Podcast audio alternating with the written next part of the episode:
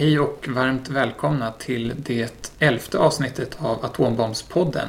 Och nu sitter jag här med en välbekant gäst, nämligen Gunnar Westberg som var med och spelade in de första tre avsnitten med David Viktorin i förra säsongen av podden. Välkommen Gunnar! Tack! Hur står det till med dig och, och vad har hänt sen sist? Ja, med mig själv då så är det ju så att inom Föreningen Läkare mot kärnvapen så försöker ju allt mer glida in i tapeten. Men det lyckas inte. För att även om vi har yngre medlemmar som tar över och som blir väldigt kunniga så är ett slags, en slags minnesfunktion i mm. föreningen. Jag var med när det hände. Det. Så det kan vara värt att försöka påminna om. Mm. Precis, ett orakel. Ja, oraklet säger något om framtiden. Det säger det. kanske något om det som varit. men det kanske är användbart. Eh, vi hoppas att vi kan lära av historien. Ja. Eh, idag tänkte vi prata om eh, något som är aktuellt mot bakgrund av pågående händelser, nämligen kärnvapen i de forna Sovjetstaterna, nämligen Ukraina, Kazakstan och Vitryssland. Vill du säga någonting kort om vad det var som hände där i början av 90-talet? Ja, det var ju så att när Sovjetunionen föll sönder då kom ju ett antal Sovjetrepubliker att bli självständiga. Redan innan dess hade Sovjetunionen gjort sig av med väldigt mycket kärnvapen. Vi hade ju på 80-talet 65 000 kärnvapen. Vid den här tiden var det förmodligen nere i 20 eller 30, 25 000 kärnvapen. Mm. Men hälften av dem fanns då i Sovjetunionens eh, före detta republiker. Kazakstan, Belarus och Ukraina. Mm. Så där, vad ska man göra nu då? Ja, de blev faktiskt stående i några år, de här kärnvapnen. Vi hade faktiskt både dålig övervakning och vårdades inte, vilket också kärnvapen måste göras. Så man måste på något sätt både ta hand om dem och framförallt förhindra ytterligare kärnvapenspridning. Mm. Dessa stater skulle ha kunnat sälja kärnvapnen. Och då Kazakstan var den som var lättast att hantera psykologiskt sett. För Kazakstan hade varit utsatt för eh, kärnvapentester inom semipalatinskområdet. Så kazakerna och ryssarna i Kazakstan, de hatade kärnvapnen. Mm. De hade ju suttit i semipalatinsk och hört fönsterrutorna i skolorna skallra när man testade mm. där borta. Och man visste att det var stora radioaktiva områden mm. som var, inte borde beträdas. Mm. Så där var det. Och dessutom fanns det faktiskt en fredsrörelse, en antikärnvapenrörelse i Kazakstan redan från eh, Sovjettiden. Som också hade knutit kontakter med eh, USA i eh, samarbetet Semipalatinsk Nevada. Så de hade utbytt delegationer och körer och så vidare. Så mm. Man var verkligen beredd på att bli av med det här som man ja. absolut inte ville ha. Ja. Och den kazakiske presidenten Nazarbayev såg sig själv mycket som en förgrundsgestalt, nästan en, en fredsman i det här sammanhanget. Mm. Så han tyckte det var väldigt skönt att bli av med detta. Nazarbayev har ju fortsatt för övrigt i den linjen så Kazakstan är numera officiellt en kärnvapenfri zon mm. och eh, Nazarbayev försöker driva internationella avtal om kärnvapenfrihet. Just det.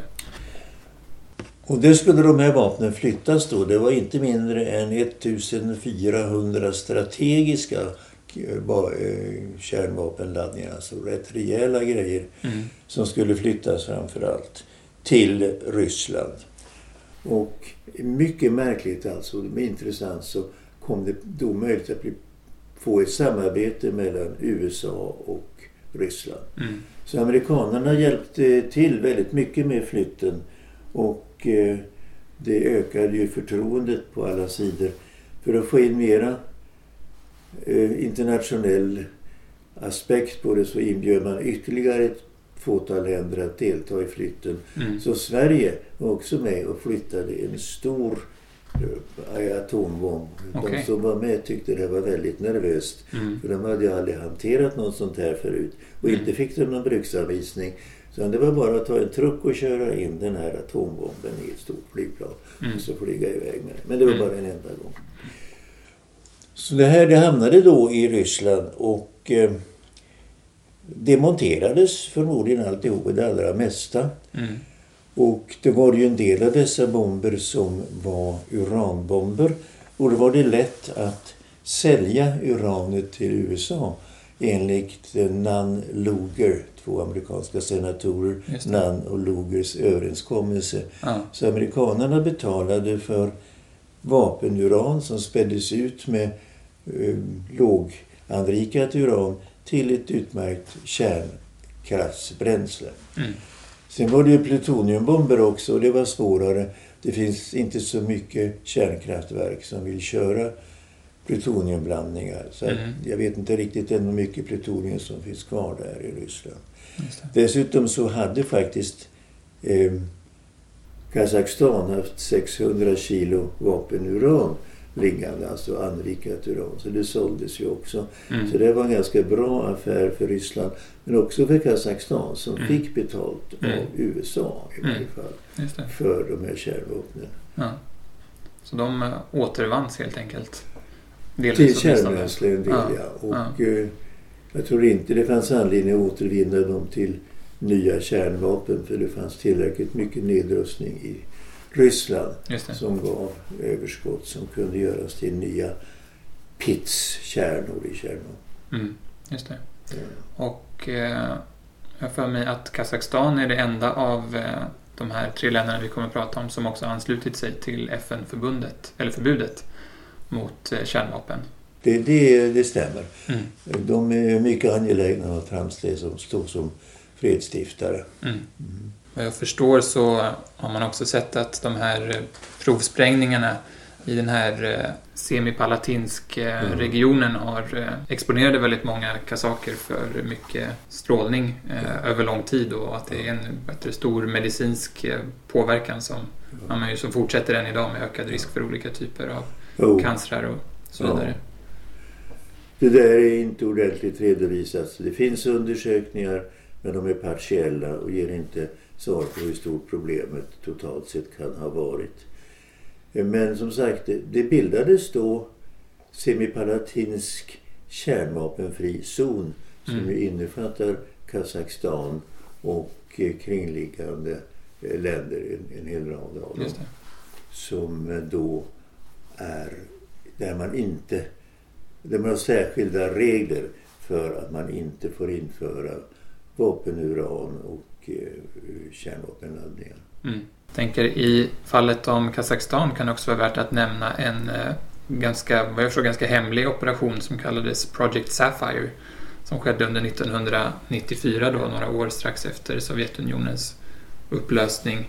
Eh, där med eh, amerikansk hjälp så utrymde man ett eh, stort lager av, eh, av vapenanrikat uran då.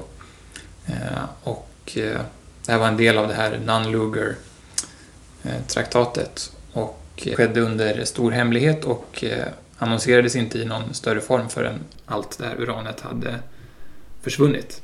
Och eh, nu hörde jag i en annan podd här att eh, den här operationen faktiskt ska bli en film, men den är bara i produktion än så länge, så vi får se om den kommer. Den ska i så fall bära samma namn som det här projektet, nämligen då Project Sapphire. Det här är väldigt viktigt. Att, eh, ja, en, i- man kan säga, ingen har ju användning för en atombomb. Det, det, det, jag menar en terroristgrupp till exempel. Det, det, är väldigt svårt att ta en interkontinental missil och använda för någonting. Därför att det, den fungerar ju inte om man inte har alla delar till den som ju är fördelade på med två eller tre Mm. eh, instanser. Men vapenuran, det är Mm. väldigt användbart. För att, och det var ganska mycket av det i Kazakstan. Mm. Så hamnar vapenuran i händerna på en terroristorganisation Mm. är det utomordentligt allvarligt. För att det är så enkelt att bygga en uranbomb Mm. om man har vapenuran. Det var så enkelt så att uranbomben som användes över Hiroshima, den konstruktionen var aldrig testad. Mm. Så, så att en terroristorganisation med tillgång till ganska ordinära tekniker och svarv och grejer skulle kunna få ihop det. Mm. Så det var utomordentligt viktigt att alltså, 900 kilo eller vad det var eh, vapenuran kom iväg ifrån Kazakstan. Mm. Sen har ju vapenuran, eller uran av vapenkvalitet nämligen legat och skräpat lite grann här och där framförallt på forskningsreaktorer runt om i världen. Mm. Och varit en ständig oro. Så vitt man får veta är det problemet nästan löst. Mm. USA och Ryssland har samarbetat för att lösa mm. det problemet. Men det är en senare historia. Just det. Det är skönt att åtminstone det ligger i allas intresse att ja. hindra vidare spridning till ja, folk som ännu mindre borde ha tillgång till det. Mm.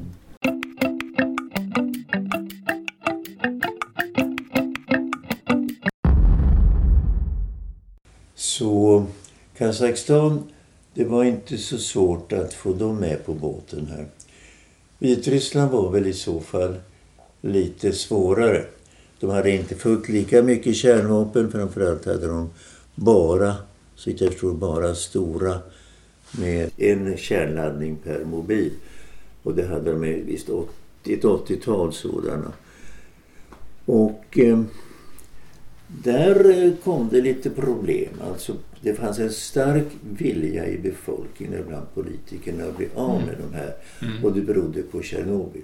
Mm. För Tjernobylnedfallet som kom från Ukraina hade ju mm. väldigt hög grad påverkat Vit, Vitryssland som då hette Belarus. Och eh, därför så ville man bli av med all radioaktivitet. Mm. Och då hade man emellertid den nyutnämnde presidenten Lukasjenko som tänkte mycket på Belarus som en väldigt viktig nation och han ville inte bli av med dem. Så han försökte mm. stoppa det här. Och det finns berättelser vars sanningshalt är svår att kontrollera. Att Lukasjenko skickade ut order, stoppa transporten. Men mm. ordern kom fram för sent till gränsen när mm. de sista 18 missilerna försvann. Mm. Nå, det må vara med den eh, anekdoten.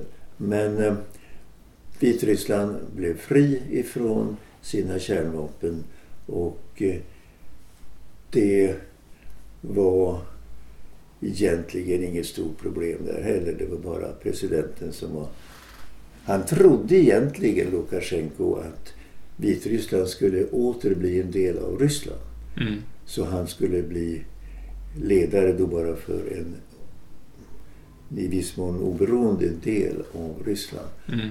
Och då tyckte han att det skulle vara likvärt med resten av landet. Men så blev det nu inte. Vidare med eh, Belarus så tänker jag på det som eh, ja, relativt eh, nyligen annonserades, nämligen att de tar bort sin ställning som kärnvapenfri zon, vilket de då haft sedan de här åren strax efter Sovjetunionens fall som ett ja, del av kriget och konflikten i och kring Ukraina. Mm, snacka går ju så att säga. Men mm. det är ju ändå så att Vitryssland, Belarus har skrivit på icke-spridningsavtalet. Och de kan inte bara säga nu säger vi upp det utan då får de gå in med en formell anmälan om att de ska lämna avtalet. Och det finns en procedur för det och det tar tid. Mm. Den enda som någonsin har gjort det var ju Nordkorea. Mm. Och Belarus vill lämna icke-spridningsavtalet. Så har de rätt att göra det om de fyller, uppfyller de formella kriterierna eller den formella proceduren för hur det ska ske. Men sen har inte Ryssland rätt att placera kärnvapen där. Ryssland får EU, då är då en signaturmakt mm. som kärnvapenmakt i NPT och de kan inte placera kärnvapen i ett annat lands territorium. Mm. Och då kan ryssarna säga, ja men USA har ju kärnvapen utplacerade i fem europeiska länder. Mm. I Holland, Belgien, Tyskland, Italien och i Turkiet. Ett litet antal men de är utplacerade. Så där har ju USA redan brutit emot NPT mm. kan ryssarna säga och skulle komma att säga det. Ja då är det tveksamt det här med USAs utplacerade kärnvapen i Europa. Amerikanerna säger ja men vi har inte överlåtit dem till värdnationen. Mm. Nej, det är inte det som står i NPT utan överföra till annat land. Inte annan regering, annat land. Utan tvekan är Tyskland ett annat land än USA. Så den vanliga uppfattningen är att amerikanerna bryter mot NPT i detta avseende men ingen bråkar om det. Bland annat av det skälet att kärnvapnen fanns i Tyskland innan NPT kom till. Mm. Ehm, sen har då amerikanerna också sagt att när eh, krig utbryter mm. då gäller inte internationella avtal. Detta är motsagt av många laglärda internationell lag. Men mm. framförallt har USA motsatte, motsagt det själva i slutdokumentet från icke-spridningsavtalets översynskonferens. Säger USA och alla andra att NPT gäller under all circumstances. Mm. Och diskussionen handlade om krigssituationen. Mm. Så där är det som att det verkar som att makt går före rätt. Då tycker väl Ryssland att de kan göra det också och placera ut kärnvapen i Vitryssland. Men eh, vad skulle de göra det för? Varför skulle man placera ut dem där? Det, mm. det är bara som en statussymbol till Lukasjenko i så fall. Mm. Så jag tror inte att detta är ett stort problem för närvarande. Det kan ju bli det. Mm.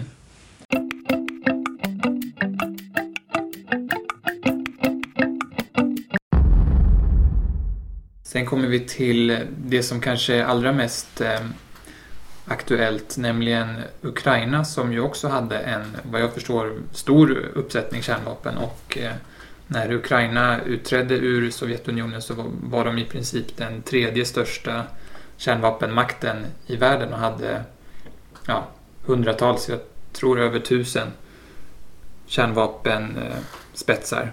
Ja. Som också då under ja, flera års tid har eh, transporterats till eh, Ryssland och, eh, och nedmonterats. Och eh, nu i och med pågående krig när det här spelas in så är det ju en del som frågar sig om inte det här kan ha varit ett misstag att om Ukraina hade behållit sina kärnvapen att de inte hade blivit attackerade. Vissa argumenterar för det i alla fall. De hade blivit, som du säger, världens tredje största kärnvapenmakt. Det fanns ingen opinion i Ukraina 1994 för att behålla kärnvapnen. Mm. Och det var återigen en effekt av Tjernobyl. Radioaktivitet ska vi minsann inte ha här. Mm. Eh, och det var ett skäl i alla fall. Sen hade... Det, man kan inte bara låta kärnvapen stå där i ladorna. Man måste underhålla dem hela tiden. Mm. Och det hade Ukraina inte gjort. Och sen gick Ukraina in i mitten på 90-talet och långt ja, till ganska nyligen ner i en nedgångsperiod med en väldig korruption mm. och stor oordning på många områden i landet. Så det hade varit riktigt nervöst att ha haft kärnvapen stående där. Mm. Det talas om från folk som vet mer än jag att de kanske till och med skulle ha kunnat sälja kärnvapen. Det fanns ju intresse från olika håll, från Libyen till exempel. Mm. Det kanske inte hade skett, men hur som helst. Att låta kärnvapnen finnas kvar där var otänkbart både för de formella ägarna Ryssland och Ukraina hade nog inte lust att sköta om dem heller. Så det var inte eh, så märkvärdigt med det. Men jag har träffat ukrainska militärer några enstaka genom åren som säger ja, vi kan ju göra både missiler och kärnvapen. Vi har ju gjort bägge. Så vi mm. skulle kunna göra det igen. Mm. Vilket vi naturligtvis inte kan göra i dagens situation. Jag tänker det hade nog varit eh, svårt för dem att motivera att behålla kärnvapnen. Också att de hade fått mycket starka sanktioner ja. från både ryskt och eh, ja, amerikanskt eller ja. från väst. Också att det hade nog varit en, en förlustaffär som det såg ut. Och ändå kan man väl säga att man lurade Ukraina. Det talas inte mycket om det men Budapest memorandum från 1994. Det ger ju ett klart besked om att fördragsmakterna som är Ryssland, USA, Storbritannien och kanske Frankrike förbinder sig att inte attackera Ukraina. Mm. Och det där ser ju ut som en pålitligt utfästelse av de mäktigaste länderna Men det blev aldrig en traktat, aldrig ett avtal. Utan det var bara ett memorandum. Mm. Ett elände alltså. Hade man verkligen gjort en ordentligt Budapestavtal mm. så hade det blivit mycket svårare för Ryssland att anfalla eh, Ukraina. De hade brutit mot det egna avtalet mm. och det hade gett större citat, rättigheter för de andra staterna att gå in och skydda Ukraina. Mm. Så det här var ju väldigt beklagligt. Det finns sådana här memoranda som ligger och hänger som liksom blir bortglömda för de var inte tillräckligt formellt hanterade. Mm. Ändå kan man tycka att det från utsidan ser ut som att de skrev under det här och, och liksom binder sig till att göra det här men sen visar det sig att när det inte passar längre då, ja. då gör man ändå ja. på något annat sätt. Och sen gjorde ju då NATO en överenskommelse här väl 2008 med Ukraina och med Georgien om att man förklarade att man avsåg att de skulle bli medlemmar i NATO. Mm. Men man gav inget datum och de har inte gjort mycket för att det ska bli så. Nej. Inte heller med det avtal som finns med EU att uh, Ukraina ska få bli EU-medlem. Mm. Det har inte drivits så särskilt mycket även om avsikten nog är fullt tydlig. Mm.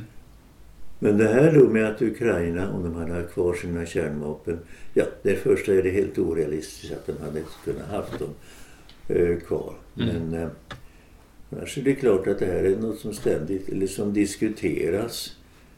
Hur är det med, med Libyen? Gaddafi vill ju ha kärnvapen. Han lär ha haft ett bud på en miljard dollar för ett kärnvapen på marknaden ett tag mm. där på början på det här seklet. Och han betalade Pakistans kärnvapenutveckling till en del. Mm. Så han hoppades på att få det men fick inte detta. Och det var ja, mycket förhandlingar bakom. Och då säger man det är därför som han kunde angripas. Eh, och det hade han haft kärnvapen hade det inte skett. Mm. Det är ju mycket tveksamt om hur det hade varit med den saken. Man kan också, och kanske mera med större sannolikhet säga att hade Libyen börjat skaffa kärnvapen skulle Libyen ha blivit angripet på, innan de verkligen fick de här på plats och tillverkade och sånt. Mm. För det hade varit ett alltför stort hot. Mm. Men så var det ju med Irak. Irak hade ju ett kärnvapenplan eh, och en reaktor som skulle användas för att göra eh, uran. Mm en plutonium till en, en, en bomb, eller till kärnvapenbomber. Och Israel bombade detta och då säger man jaha, och det är därför som Irak kunnat angripas utav USA. Mm. Men jag tycker det är naturligare att vända på saken istället. När USA övervägde anfallet mot Irak men inte fick med sig NATO och så många andra länder heller. Mm. Då var ju USA i en tveksam situation. Ska vi angripa detta land som vi tidigare inte lyckades verkligen besegra? Och då, hade, då var det ju så att det fanns en föreställning, en påstående från USA att Irak hade nog kärnvapen. Mm. Och det brukar sägas, hade inte den där kärnvapensvampen kommit fram på tv-skärmen bakom den amerikanska utrikesministern mm. så hade det amerikanska folket inte gått med på det här anfallet. De anföll Irak i tron att det var en kärnvapenstat. Så mm. kärnvapen kan också vara ett skäl till att bli angripen. Just det. Ja. Nordkorea har ju haft någon liknande situation. Jag var ju, har varit i Nordkorea två gånger och träffat nordkoreaner en del dessemellan. Och vi försöker alltid säga till dem, om ni skaffar kärnvapen, då är det stor risk för att ni angrips på olika sätt. Och i varje fall utsätts för sanktioner. Mm. Kanske också militära åtgärder. Om ni inte skaffar kärnvapen i Nordkorea kommer ingen att bry sig om er. Mm. Ni kommer, varför skulle USA anfalla er då? Ni är inte ett hot mot någon. Men nordkoreanerna var starkt indoktrinerade. USA vill dekapitera, alltså dekapitera landets ledning. Och mm. därför måste vi ha kärnvapen för att stoppa detta. Så det har de inte haft mycket glädje av precis. Nej, tyvärr. De pengarna hade nog kunnat användas på något ja. bättre sätt. när vi sågs innan för att diskutera lite inför det här så, så nämnde du någonting om, om solrosorna och deras betydelse ja. för uh, Ukraina och uh, historien kring det. Solros har varit en symbol för Ukraina en, en, en tid. En, jag vet inte hur länge. Och det är när man hade fått bort alla kärnvapen ifrån landet så fanns det kvar radioaktivitet från det område där man hade hanterat och kanske också tillverkat kärnvapenladdningar, i varje fall delar av det. Så det var ett förorenat område och där planterade man solrosor. Och sen kom den amerikanske eh, utrikesministern och den, den amerikanska och den ukrainska ledningen att träffas där, se mm. ut över solrosfältet och säga att nu är vi av med eh, radioaktiviteten.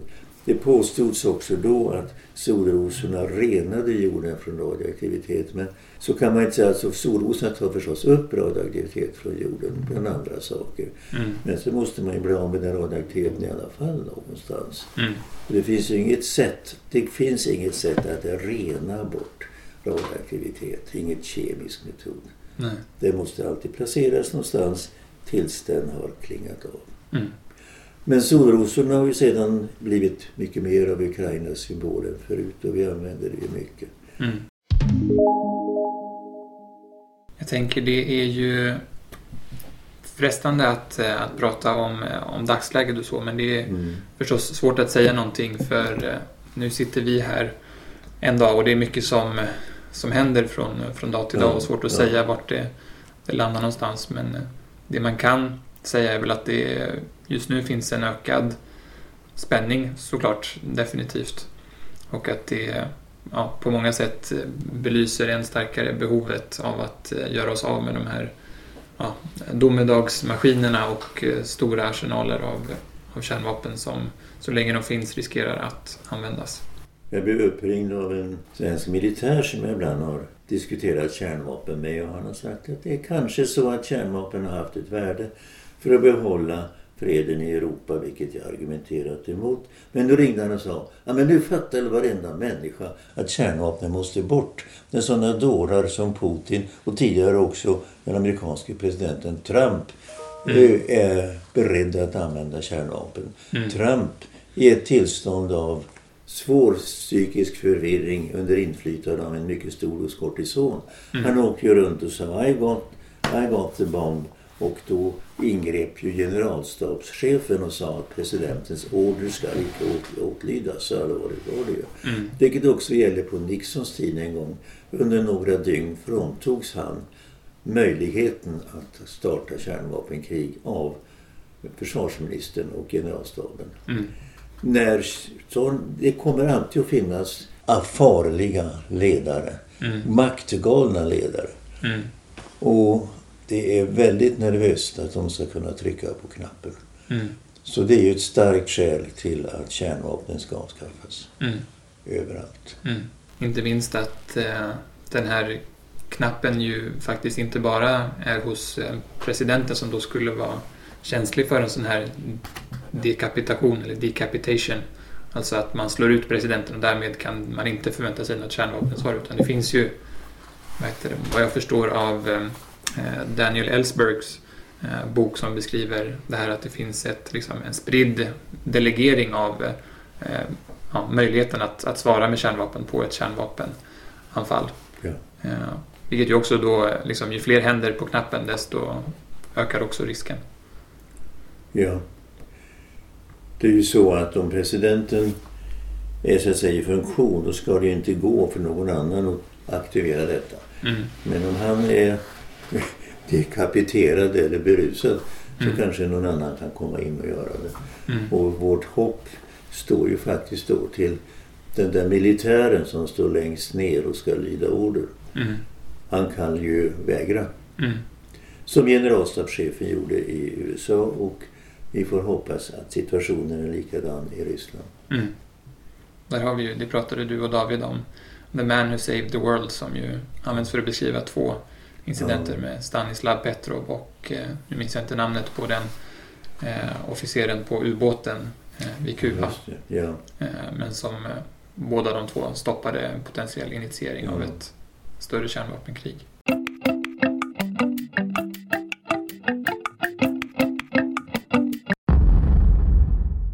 Är det något avslutande tanke som du vill få med angående Kazakstan, Belarus och Ukraina och deras forna kärnvapen? Det var ju väldigt bra att dessa kärnvapen kom bort från spridningen till dessa tre länder. Och man fick i alla fall bättre kontroll över det och inte kunde stjälas och smugglas och säljas. Mm. Men den utveckling vi har haft nu i Ukraina visar ju med stor tydlighet hur viktigt det är att bli av med alla kärnvapen överallt. Mm.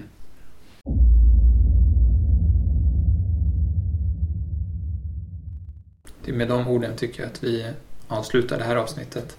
Och eh, kan också säga att eh, om man vill lyssna på lite mer eh, uppdaterade liksom, diskussioner kring eh, kärnvapen och kärnvapenhotet eh, just nu och eh, kring den här konflikten så Eh, har det till dags dato kommit ut ett avsnitt från P1 Gräns som också finns i poddformat eller på Sveriges Radios hemsida eh, som jag tror är från den 7 mars som väldigt väl belyser kärnvapenhotet med, ja, ur ett svenskt perspektiv.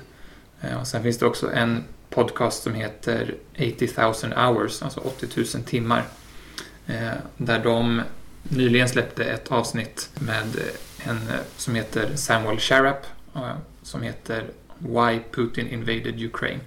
Eh, och det spelades in den 10 mars eh, och där de väldigt väl belyser många delar kring den här konflikten så långt som det hade kommit eh, då, inklusive bitar om, om kärnvapen. Och kommer också lägga upp länk till någon artikel som vi tror kan vara av värde att läsa angående detta också. Tack så mycket Gunnar för det här avsnittet. Tack ska du ha Johan. Man skulle vilja ha roligare saker att prata om. Så är det. Ja. Men eh,